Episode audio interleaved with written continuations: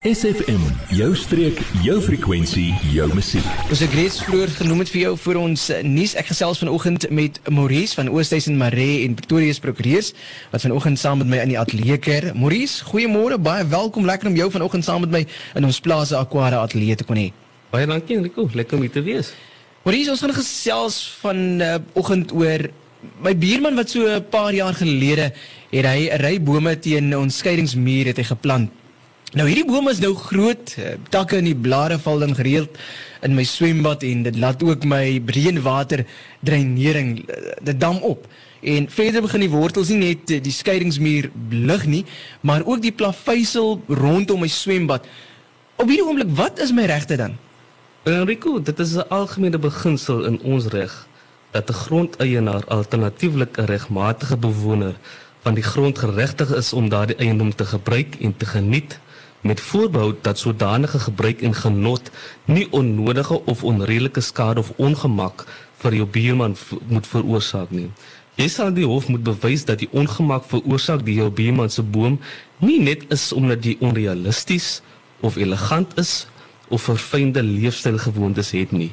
Die ongemak moet wesentlik inbreuk maak op jou gebruikelike fisiese gemak en jou menslike bestaan. Die uitspraak van Vogel teen Krewe en ander het 'n verre baie belangrike afspraak na vore gebring, synde die natuurlike omgewing. In 'n wêreld waar bome en die natuur 'n toenemend belangrike rol speel en geag word as belangrik vir ons welstand, asook die welstand van die aarde, moet daar des te meer versigtige oorweging geskenk word voordat 'n eis om die afkap van 'n boom toegestaan word. Die regter het in daardie uitspraak opgemerk dat bome 'n noodsaaklike deel van ons menslike omgewing uitmaak en nie net estetiese genot aan ons verskaf nie, maar ook funksioneel is wat betref die voorsiening van skadu, kos en suurstof. En so soveel ander lewende organismes vereis bome in ruil vir die genot wat hulle verskaf, 'n sekere mate van moeite, aandag en verdraagsaamheid. Met ons groeiende bewuswording van die noodsaak om ons omgewing te beskerm, moet ons meer verdraagsaam wees oor die onvermydelike probleme wat veroorsaak word deur die krimpende grootte van eiendomme en die toenemende nabyheid van ons bure en dus ook ons bure se bome. 'n Eienaar kan dus bome op sy eiendom plant, maar as algemeen reël mag daardie bome nie inmeng met die buurman se gebruik en genot van sy eiendom of vir hom skade veroorsaak nie. Wanneer 'n eienaar bome plant naby 'n skeidingsmuur, is daar dus 'n plig op hom om te verseker dat die boom onderhou word sodat dit nie oorlas word of skade vir sy buurman. Wanneer dit kom by bome en die skade wat daardie veroorsaak word, is daar dus drie groepe waarna gekyk word. Die eerste sal wees waar takke oorhang vanaf die aangrensende eiendom. In hierdie geval is die eienaar wat daardie benadeel word geregtig op die buureienaar te versoek om die takke te verwyder.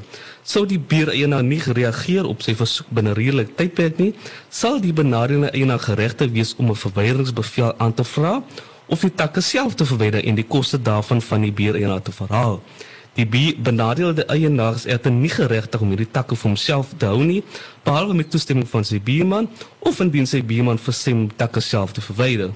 Die benadeelde En hy kan ook saam met die verwyderingsbevel vir bevel vra vir die verwydering van toekomstig oorhangende takke.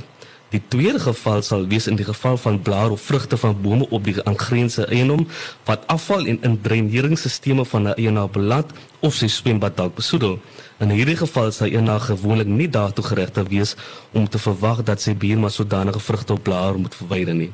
Die rede hiervoor is dat die plant en bome en die gepaardgaande afval van vrugte en blare gesien word as die normale gebruik van eiendom en dat die skade wat veroorsaak word deur die verstopping van dreine en pompe nie geëis kan word nie, sienend dat ons hoewe van mening is dat hierdie tipe skade vermy kan word deur die gereelde skoonmaak daarvan deur 'n eienaar.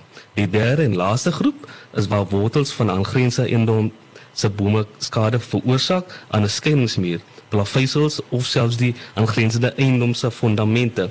In die geval van wortels kan die eienaar self die wortels afkap en as die stap onsuksesvol is kan hy die hof nader en vra dat sy buurman die boom moet verwyder en gepaste kostebevel daarmee kry. Word deel van ons Facebookblad vandag nog facebook.com vorentoe skuinstreepie sfm streek. Welkom terug hier op Beside Kaapse Gunsteling. Dis 22 minute na 10 vanaf ons Plaza Aquara Atelier.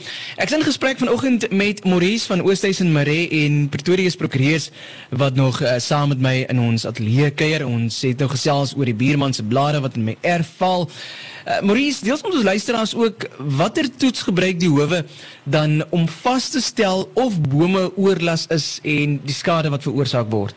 Enrico, ons howe is dit eens dat die toets wat toegepas moet word om vas te stel of bome oorlas is en skade veroorsaak, die objektiewe redelikheidstoets is. Die toets vereis die opweeg van die belange van beide partye in die lig van die omringende omstandighede. Daar sal altyd gekyk word na die een party se plig om tot 'n redelike mate die oorlas te verdra en die ander party se reg tot die redelike gebruik en genot van sy eiendom. Dit is so dat wanneer jy dit by jou bure kom, 'n mens nie op tone wil trap nie, maar dit is belangrik dat in gedagte gehou moet word dat 'n eienaar geregtig is om sy eiendom te gebruik en te geniet sonder om die hele tyd verplig te moet wees om vir skade te betaal wat veroorsaak word deur jou buurman se dade. Die beste raad is altyd om sulke probleme op 'n hoflike manier met jou buurman te probeer oplos, maar as daar geen ander oplossing gevind kan word nie, is dit belangrik om te weet dat jy wel regte het wat beskerm en afgedoen kan word. Maurice, jy's 'n kundige op die gebied. Uh, is dit wenslik om hierdie tipe dispute informeel uit te sorteer met my buurman of stel jy voor dat ek die hof dadelik moet nader? Nou ek kom my voorstel is dat jy eers 'n vriendelike gesprek met jou buurman het. Verduidelik aan jou buurman wat die takke van watter bome probleem is en wys vir hom die oorsaak van jou kommer. Wees bono bereid om 'n middeweg te volg wat die soort boom, die groeiwyse en die balans van die boom in ag sal neem. Jy kan nie op die verwydering van 'n groot tak aandring wat die boom se balans gaan versteur en veroorsaak dat dit met die volgende storm op jou muur gaan val nie. So al jou pogings insluit in vriendelike briewe en e-poskorrespondensie op oop dowe ore val, is jy wel geregtig om die takke van die punt wat dit oor die muur in jou eiendom hang te snoei. Jy mag egter nie oor die muur leun om die tak aan die kant van die bioma te sny nie. Jy sal ook verantwoordelik wees om die takke van jou eiendom te verwyder nadat jy die boom op hierdie manier gesnoei. Psst, jy, ja jy. Nou dat ons jou aandag het, vertel jou vriende van SFM en ondersteun plaaslik. SFM maak elke dag 'n goed gevoel dag. SFM. Ons gaan ons gesprek afeindig vanoggend. Ek uh, gesels met Maurice aan Oosthuizen en Maree en Pretoria se prokureurs wat saam met my keer in ons Plaza Aquara ateljee. Maurice ten slotte, my buurman wil nie gehoor gee aan my versoeke nie. Watter remedy is dan tot my beskikking wat ek kan gebruik? Wanneer Rico die grondeienaar soos genoem kan die eienaar van die aangrensende grondstuk versoek om die oorhangende takke en blare af te sny of te verwyder.